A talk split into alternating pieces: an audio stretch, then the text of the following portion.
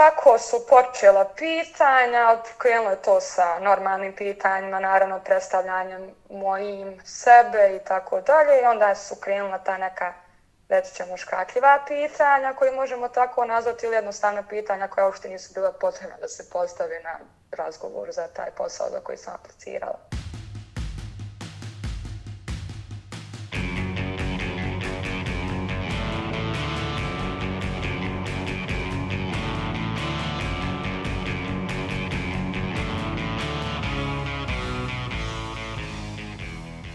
Slušate podcast Reaguj nezavisnog društva novinara Vojvodine. Moje ime je Iva Gajić, a na podcastu rade i Aleksandra Bučko, Sanja Đorđević, Irena Čučković i Nemanja Stevanović. U prethodnoj epizodi dotakli smo se teme zapošljavanja mladih kroz novi program vlade Srbije Moja prva plata – Međutim, pandemija koronavirusa dovela je do povećanja nezaposlenosti jer su mnogi ostali bez posla. U saopštenju Republičkog zavoda za statistiku, koji je za drugi kvartal 2020. godine uradio anketu o radnoj snazi, navodi se da je došlo do smanjenja zaposlenosti i nezaposlenosti na račun povećanja neaktivnosti dok je smanjenje nezaposlenosti ravnomerno raspoređeno kod oba pola, do pada zaposlenosti je došlo isključivo kod žena. 33. epizodu podcasta posvetili smo diskriminaciji pri zapošljavanju i napredovanju u poslu. Polazeći iz vlastitih priča i razgovora unutar redakcije, dotakli smo se odnosa u nezapošljavanju i time da još uvek imamo mušku ili žensku poziciju. Zato nas je interesovala ko je i koliko diskriminisan u kojim poljima. Kakav je odnos ravnoteže između muškaraca i žena kada je u pitanju zapošljavanje, visina plate, odnos na radnim pozicijama. Odmah na prvu uvidjeli smo da ta naginje na stranu žena. Jer iako se vidi neravnoteža u svim poljima, one imaju još jedan neplaćeni rad od kuće, ali i suočavanje sa diskriminacijom kod poslodavaca ukoliko žele da imaju ili već imaju porodicu ili malu decu. Pripremajući ovu epizodu susreli smo se sa mnogim primerima diskriminacije nad ženama kada je u pitanju zapošljavanje, napredovanje i ostanak na poslu. Mnoge žene koje su nam se javile u privatnim porukama, na Facebook grupama i one koje smo pokušali da nađemo preko udruženja koje se bave borbom protiv diskriminacije, nisu želele da izađu u javnost sa ovim problemom. Tu su iskustva kao što je dobijanje otkosa posle ili za vreme trudnoće, biranje muškaraca pri zapošljavanju samo pola, veća plata kod muškaraca na istoj poziciji u firmi, nezapošljavanje zbog male bebe u kući, kao i, kako kažu sagovornice, neizostavno pitanje na intervjuima za posao da li planirate uskoro da rađate. Vanessa Kešetović je želela javno da progovori o svom problemu. Poslušajmo šta je rekla. Kad sam tamo došla, vidjela sam da firma obiluje većinom muškim osobama. Ušla sam u prostoriju e, gdje je bio šef, njegov menadžer, još jedna djevojka koja je na poziciji tog radnog mjesta koje, za koje sam ja aplicirala. Ona bi bila naravno moj mentor. I tako su počela pitanja, krenulo je to sa normalnim pitanjima, naravno predstavljanjem mojim sebe i tako dalje. I onda su krenula ta neka reći ćemo, škakljiva pitanja koje možemo tako nazvati ili jednostavna pitanja koja uopšte nisu bila potrebna da se postave na razgovor za taj posao za koji sam aplicirala. To bi bilo, na primjer, počeši od da li imam dečka, s kim živim, da li, da li moj otac živi blizu mene, jesu li mi roditelji rastavljeni i tako dalje, što je naravno bilo jako čudno da me, da me se pitaju takva pitanja. Iako sam odgovorila na to sve, mislila sam, ono, hajde, okej, okay, normalno je da se to pita, jer ne znam. Dok nije postavio pitanje što se tiče kao u fazonu, da li, koliko često plaćeš i šta bi uradila ako bi se neko od tvojih kolega ili šefova izderao na tebe. Mislim da bilo, jako mi je bilo čudno pitanje, tako sam ono staloženo odgovorila da ne bih plakala da ono kao hajde bilo bi mi ok u tom trenutku nisam znala stvarno šta da odgovorim na to.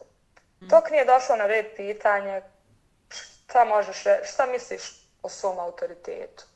I tada mi je šef rekao pa hajde ustani, evo ovdje skači na jednoj nozi. Rekla sam da ne želim to da uradim. Ono, baš grubo sam odgovorila, mislim i normalno, jer je već pretjerao sa pitanjima. Rekao mi u pozonu, pa kako nećeš to da uradiš, ja sam ti šef. Ono, tu me malo zbunio, ono, dobro jeste, vi ste mi šef, ali jel to treba da radim za, da bi dobila mjesto za ovu poziciju koju sam aplicirala? Pa kao, eto, ako ti kažem da ako to uradiš dobit ćeš posao, jer, neće, jel nećeš to da uradim? Rekla sam da ipak da je bitnije ono što piše u mom CV-u. Međutim, izgleda to nije bilo dovoljno, da je bilo dovoljno je bilo da ja jednostavno prihvatim to da žene u njihovoj firmi imaju dosta manja prava i da, da bi tako dobila posao. Međutim, nisam htjela to, to da prihvatim, to da uradim. Tako se ublizu i završio taj razgovor. Bilo je tu dosta, dosta još i dubljih pitanja, samo ne želim da ulazim stvarno u to. Sa druge strane, jasno je da postoji diskriminacija pri zapošljavanju muškaraca. Zato ne morate da idete daleko, već samo da odete u butik. Za ovu temu ne moramo da pričamo samo iz iskustva jer imamo i razne brojke, odnosno istraživanja. Irena, ti si ih obrađivala. Šta kaže statistika? Ko je u gorem položaju kada je posao u pitanju?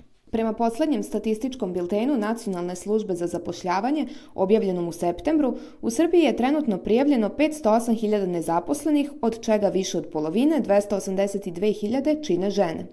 2019. godine u okviru jednog projekta Nemačke organizacije za međunarodnu saradnju GIZ sprovedeno je istraživanje diskriminacije na tržištu rada u saradnji sa poverenikom za zaštitu ravnopravnosti. Ovo istraživanje pokazalo je da, kada je u pitanju pol, najčešće se krše prava žena, posebno prilikom zapošljavanja, povratka sa trudničkog, odnosno porodiljskog odsustva, kao i odsustva sa rada radi nege deteta. U prilog rasprostranjenosti kršenja prava žena na radu govori i podatak da one, za razliku od svih drugih oblasti diskriminacije, podnose više pritužbi u oblasti rada u odnosu na muškarce. Žene su najčešće diskriminisane prema ličnom iskustvu po osnovu pola, starosti, bračnog i porodičnog statusa, izgleda i zdravstvenog statusa. Kada je reč o diskriminaciji po osnovu bračnog i porodičnog statusa u sferi rada i zapošljavanja, poslodavci vrlo često u prijavama na konkursima i intervjuima za posao neopravdano uključuju pitanja o porodičnom i bračnom statusu ili automatski isključuju žene zbog pretpostavke o nemogućnosti usklađivanja privatnih i poslovnih obaveza. Ređe, to se događa i muškarcima, ukoliko poslodavci smatraju da, na primer, neće moći dobro da obavljaju terenski posao ukoliko imaju malu decu. Istraživanje koje je 2019. godine sprovela fondacija Kvina Til Kvina pokazalo je da 47% anketiranih žena i 28% anketiranih muškaraca jeste iskusilo rodnu diskriminaciju na prethodnom ili trenutnom radnom mestu. Rodna diskriminacija je dalje vidljiva u oglasima za posao, u kojima se ponekad naznačava da za posao mogu da se prijave samo žene ili samo muškarci. Institucija poverenika je prethodnih godina objavljivala reakcije i preporuke u vezi sa ovim pitanjem, što je doprinelo smanjenju učestalosti takve prakse.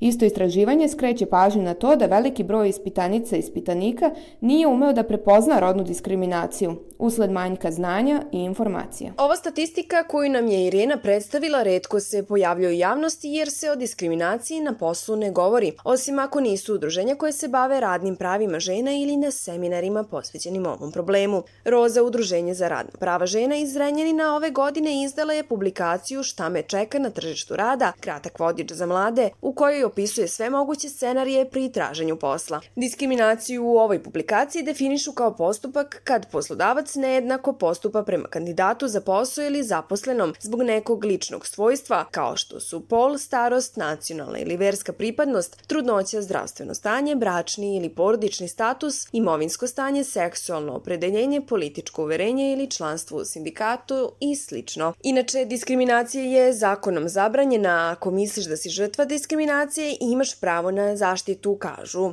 Iako je zabranjena, kao što se u publikaciji Roze navodi, do diskriminacije dolazi svakodnevno što su potvrdile mnoge žene koje smo kontaktirali. Ipak, Smiljana Milinkov, docentkinja na Filozofskom fakultetu u Novom Sadu, navodi da prema istraživanjima dolazi do veće diskriminacije žena na radnom mestu. U ovom istraživanju i muškarci i žene složili su se u pet tačaka po kojima su žene diskriminisane. diskriminacija i prilikom zapošljavanja, ali i kasnije na, na, na, u, u okviru samog rada vrlo je prisutna i to pokazuje mnoga, mnoga istraživanja, a opet pokazuje neko naše neposredno iskustvo i okruženje.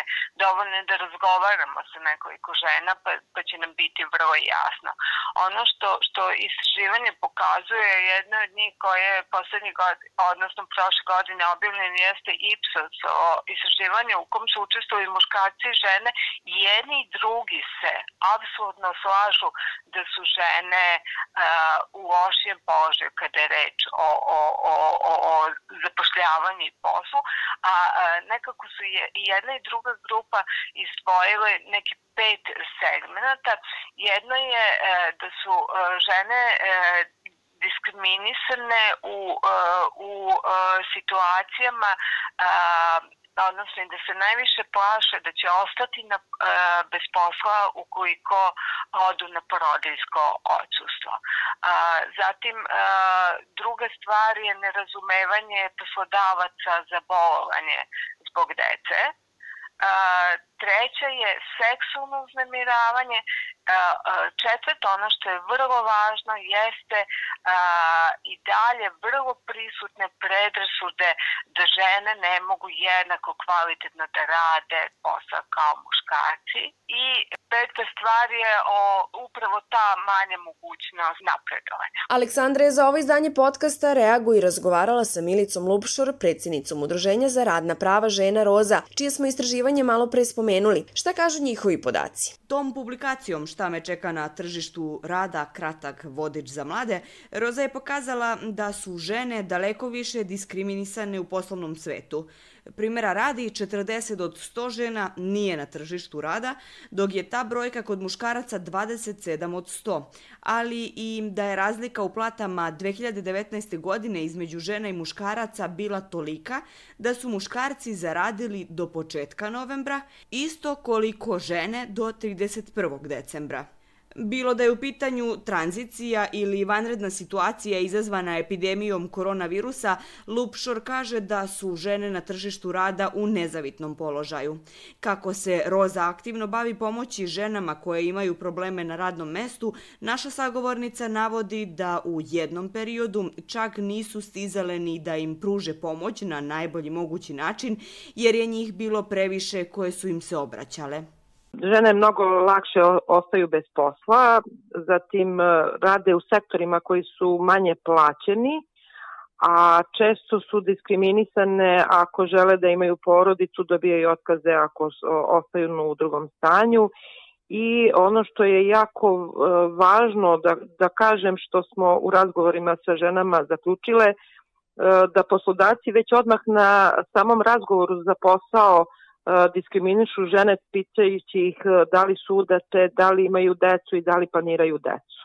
Dešava se da pojedinim ženama traže u ugovoru da potpišu da 3 do 5 godina neće imati decu, već će u tom periodu raditi kod tog poslodavca samo ako ne ostanu u drugom stanju.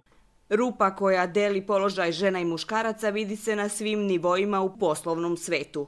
Od najnižih pozicija, radnih zadataka, preko diskriminacije kada je u pitanju porodiljsko, do mnogo viših pozicija, do kojih i kada žene dođu, ponovo nemaju isti status kao i muškarci. To se najlakše može videti i po razlici u platama. Međutim, Lupšor objašnjava da ne moramo da upoređujemo visoke pozicije kod muškaraca i žena, jer je ta razlika vidljiva u svim segmentima svuda gde muškarac i žena rade na istoj poziciji, žena uglavnom ima manju platu od muškarca. Ne mogu da sa sigurnošću da, da tvrdim, ali recimo negde bar 75 do 80% žena na istim pozicijama ima manju platu od svojih kolega muškaraca. Pritom, kada je firma u problemima, prvo se otpušta žena, muškarac se ostavlja jer je eto on je taj koji navodno hrani porodicu, a žena može da bude kod kuće i da radi kućne poslove i da time zadovolji neki svoje učešće u domaćinstvu. Ima previše slučajeva žena koje su nam se javljale sa, sa tim problemom da su i diskriminisane u, u, u samim poslovima, da se dešava, recimo jedna žena nam je rekla kada treba da se nosi teško, ja sam muško, kada treba da se riba plod, ja sam žensko. Znači, postoji ta podela koje poslove muškarci ne mogu da rade, ali za žene to ne važi.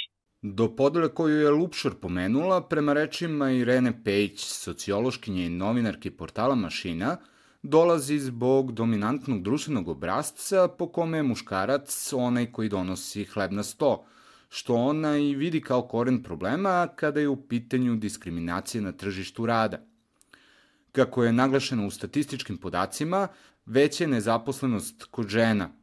Upravo obrazac koji je naša sagovornica navela pretenduje da bude razlog zbog čega se u dobrom delu slučajeva stručnost žena osporava, marginalizuje, a time i dolazi do nezapošljavanja žena na određenim pozicijama, napredovanja u karijeri, kao i u platnoj razlici između žena i muškaraca čak i kada su u pitanju sektori u kojima je više žena, kao što su financije, zdravstvo, trgovina i obrazovanje, vidi se nejednakost u platama.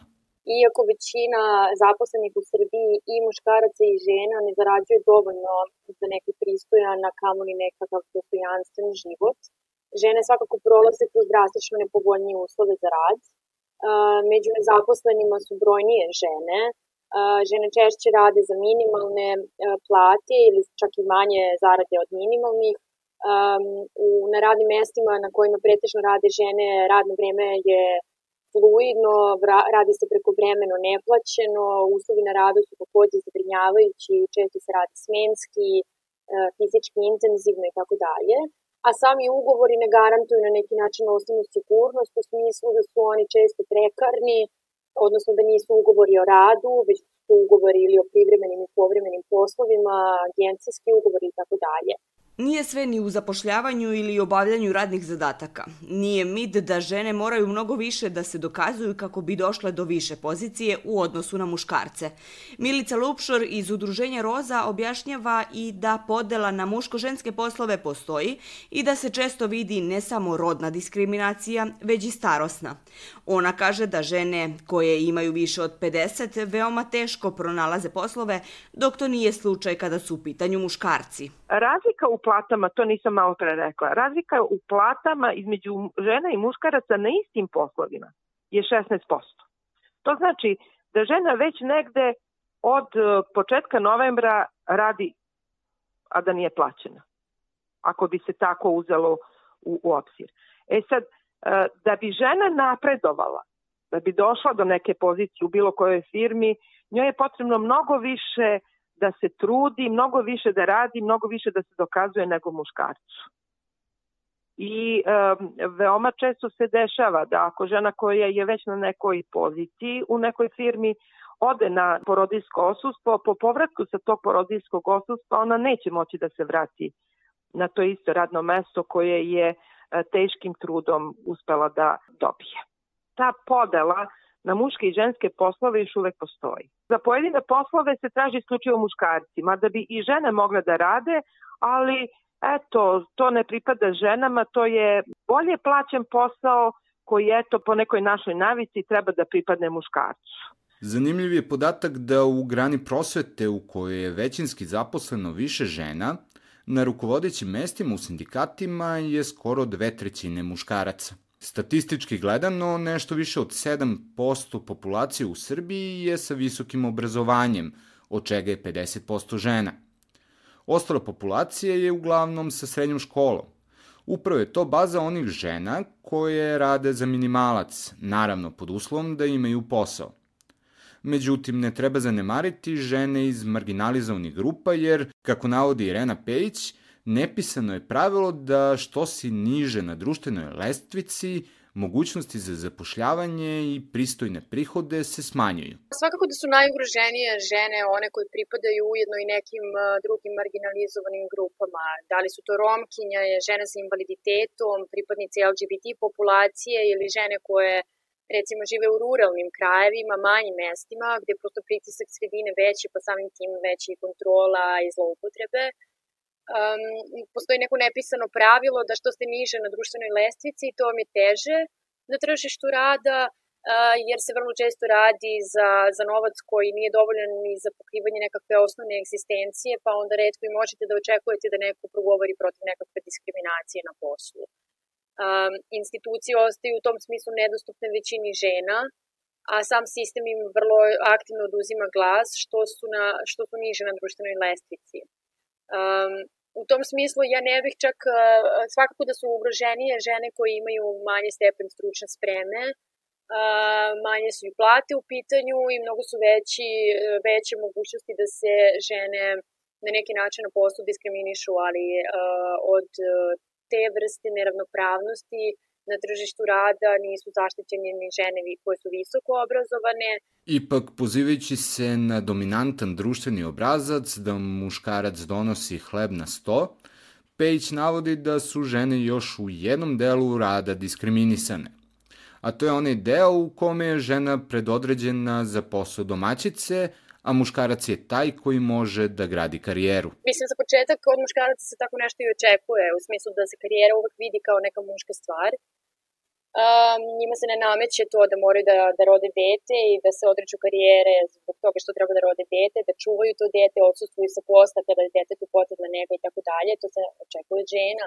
Žene su u tom smislu dvostruko, a meni se čini u ovoj uh, situaciji e, epidemije, vanrednog stanja i povlačenja na neki način države iz e, tog sektora usluga zapravo trostruko opterećene poslovima u kući, ti poslovi su nevidljivi i naravno neplaćeni, ali je bilo zanimljivo istraživanje skoro koje je izašlo da po kome je procenjeno da ti neplaćeni kućni poslovi koje zaista u najvećoj meri obavljaju žene, kada bi se plaćao takav rad, one bi morale da budu plaćene sa preko 500 eura mesečne naknade. Ja mislim da je to baš lepo pokazatelj koliko žene svog besplatnog rada ulažu kojim se nigde i ne računa. Ipak i pored toga što žene ne dobijaju naknadu za reproduktivni rad, one na samim intervjuima za posao obično se susreću sa pitanjima koje poslodavac ne bi smeo da pita, jer se ne odnose na obrazovanje i profesionalnu karijeru. Naravno, to su pitanja koje su lične prirode kao bračni status, planiranje proširenja porodice, čuvanje dece i slično. Međutim, sam reproduktivni rad slio se i na feminizaciju poslova. Um, mislim, muškarci niko na intervju za posao neće uh, pitati da li planiraju porodicu, ženama se to zakonski neprihvatljivo pitanje postavlja uh, redovno, ja bih rekla a sa druge strane imamo i taj trend e, feminizacije određenih poslova u smislu Uh, mislim, tu se pre svega misli na te uslužne delatnosti, negovateljske poslove i sve te poslove koje se uopšte bave reproduktivnim radom, um, gde je uh, u samim tim granama nema dovoljno para, a onda žene naravno uh, radići u takvim, takvim granama bivaju uh, još dodatno i manje plaćene od muškaraca koji rade u istim tim granama. U pisanoj izjavi za podcast Reaguj, Biljana Mitrović, predsjednica sekcije žena Vojvodine Udruženog granskog sindikata Nezavisnost, navodi da do otkaza dolazi zbog trudnoće, udaje ili slučaja da žene imaju malu decu. Poslodavac otkaz pravda čestim odsustovanjima sa posla zbog nege bolesnog deteta, zbog održavanja trudnoće, porodinskog odsustva i tome slično. Međutim, ona navodi da naša zakonska i podzakonska akta vezana za rad i radne odnose nisu nisu toliko loša, ali se ne primenjuju ili se primenjuju selektivno. Zaštita materinstva i trudnica treba da je na višem nivou. Žene koje dobiju otkaz, navodi naša sagovornica dalje, nalaze se u vrlo nezavidnom položaju, naročito ako je u pitanju reč o samohranim majkama ili onima koji imaju dete sa teškoćama u razvoju ili bolesnog člana domaćinstva. Veoma je teško ženama koje su prešle 50 i niko ih neće. Žene su neretko neretko seksualno zloupotrebljavane, ucenjivane ili maltretirane. Ne štede ih ni mediji, a ni umetnost. Puno je pitanja, navodi Mitrović, a često nema adekvatan odgovor od nadležnih. Ona navodi da je nezavisnost dobro organizovan, te imaju i određene službe za podršku, kao i advokata kako na republičkom, tako i na pokrajinskom nivou. Ipak, pitanje koje se postavlja jeste šta raditi kako bi se poboljšao položaj žena. Od dobijanja prava rada i prava glasa žena u svetu je prošlo više od 100 godina, ali one još uvek ne dobijaju iste mogućnosti za rad i primanja kao muškarci. Docentkinja Milinkov navodi da se sve svodi na edukaciju, kako formalnu, tako i neformalnu kroz medije. Kažem, stvari se menjaju, e, naprosto jeste sama edukacija i širenje svesti e, jesu načini da se, da se poboljša situacija, ali e, s druge strane potrebno i mnogo više hrabrih žena koje će progovoriti i koje će se još intenzivnije boriti za svoja, za svoja prava. To je neko moje, moje lično, lično mišljenje. Naravno, uh, svakako treba upirati prsti na ono što rade, uh, radi država i, i, i na ono što, što rade svi ostali organi koji su nadležni da reaguju u slučaju diskriminacije prilikom rada ili zapošljavanja. Uh, to svakako mora se ukazivati na sve propuste i tu su naravno vrlo važni mediji koji treba da izveštavaju o svemu tome, ali kažem moraju se negde i žene um, onako kako spremno ulaze i sedaju u, u, u, u uh, uh, akademske klupe i uh, ajde da kažem, primaju diplome, tako se moraju još više ohrabriti da, da se bore za, za svoje mesto na, na, na tržištu e, rada. Jer i neke prethodnice pre njih su se izborile da one mogu da uđu i da budu prisutne na fakultetima. Znači, ni to nije, e, eto tako neko nam je dao mogućnost. Za to, za to smo se jako borile. Tako da mislim da je potrebno i da se u ovom slučaju negde podignemo i e, da, da se čuje, čuje naš glas. Naprosto nijedna sloboda se ne daje tek tako, nego se sloboda osvaja. Biljana Mitrović navodi da se sindikat mora boriti protiv diskriminacije pri zapošljavanju, a jedna od mera su i kolektivni ugovori koji štite prava radnika i poboljšavaju položaj kod poslodavaca u kojima postoje navedeni jasni, nedvosmisleni uslovi za zapošljavanje koje je samo potrebno poštovati i preminjivati – Ona kaže i da je potrebno da komisije za zapošljavanje budu svesne i odgovorne, čime bi pomogle odabiru najboljeg kandidata.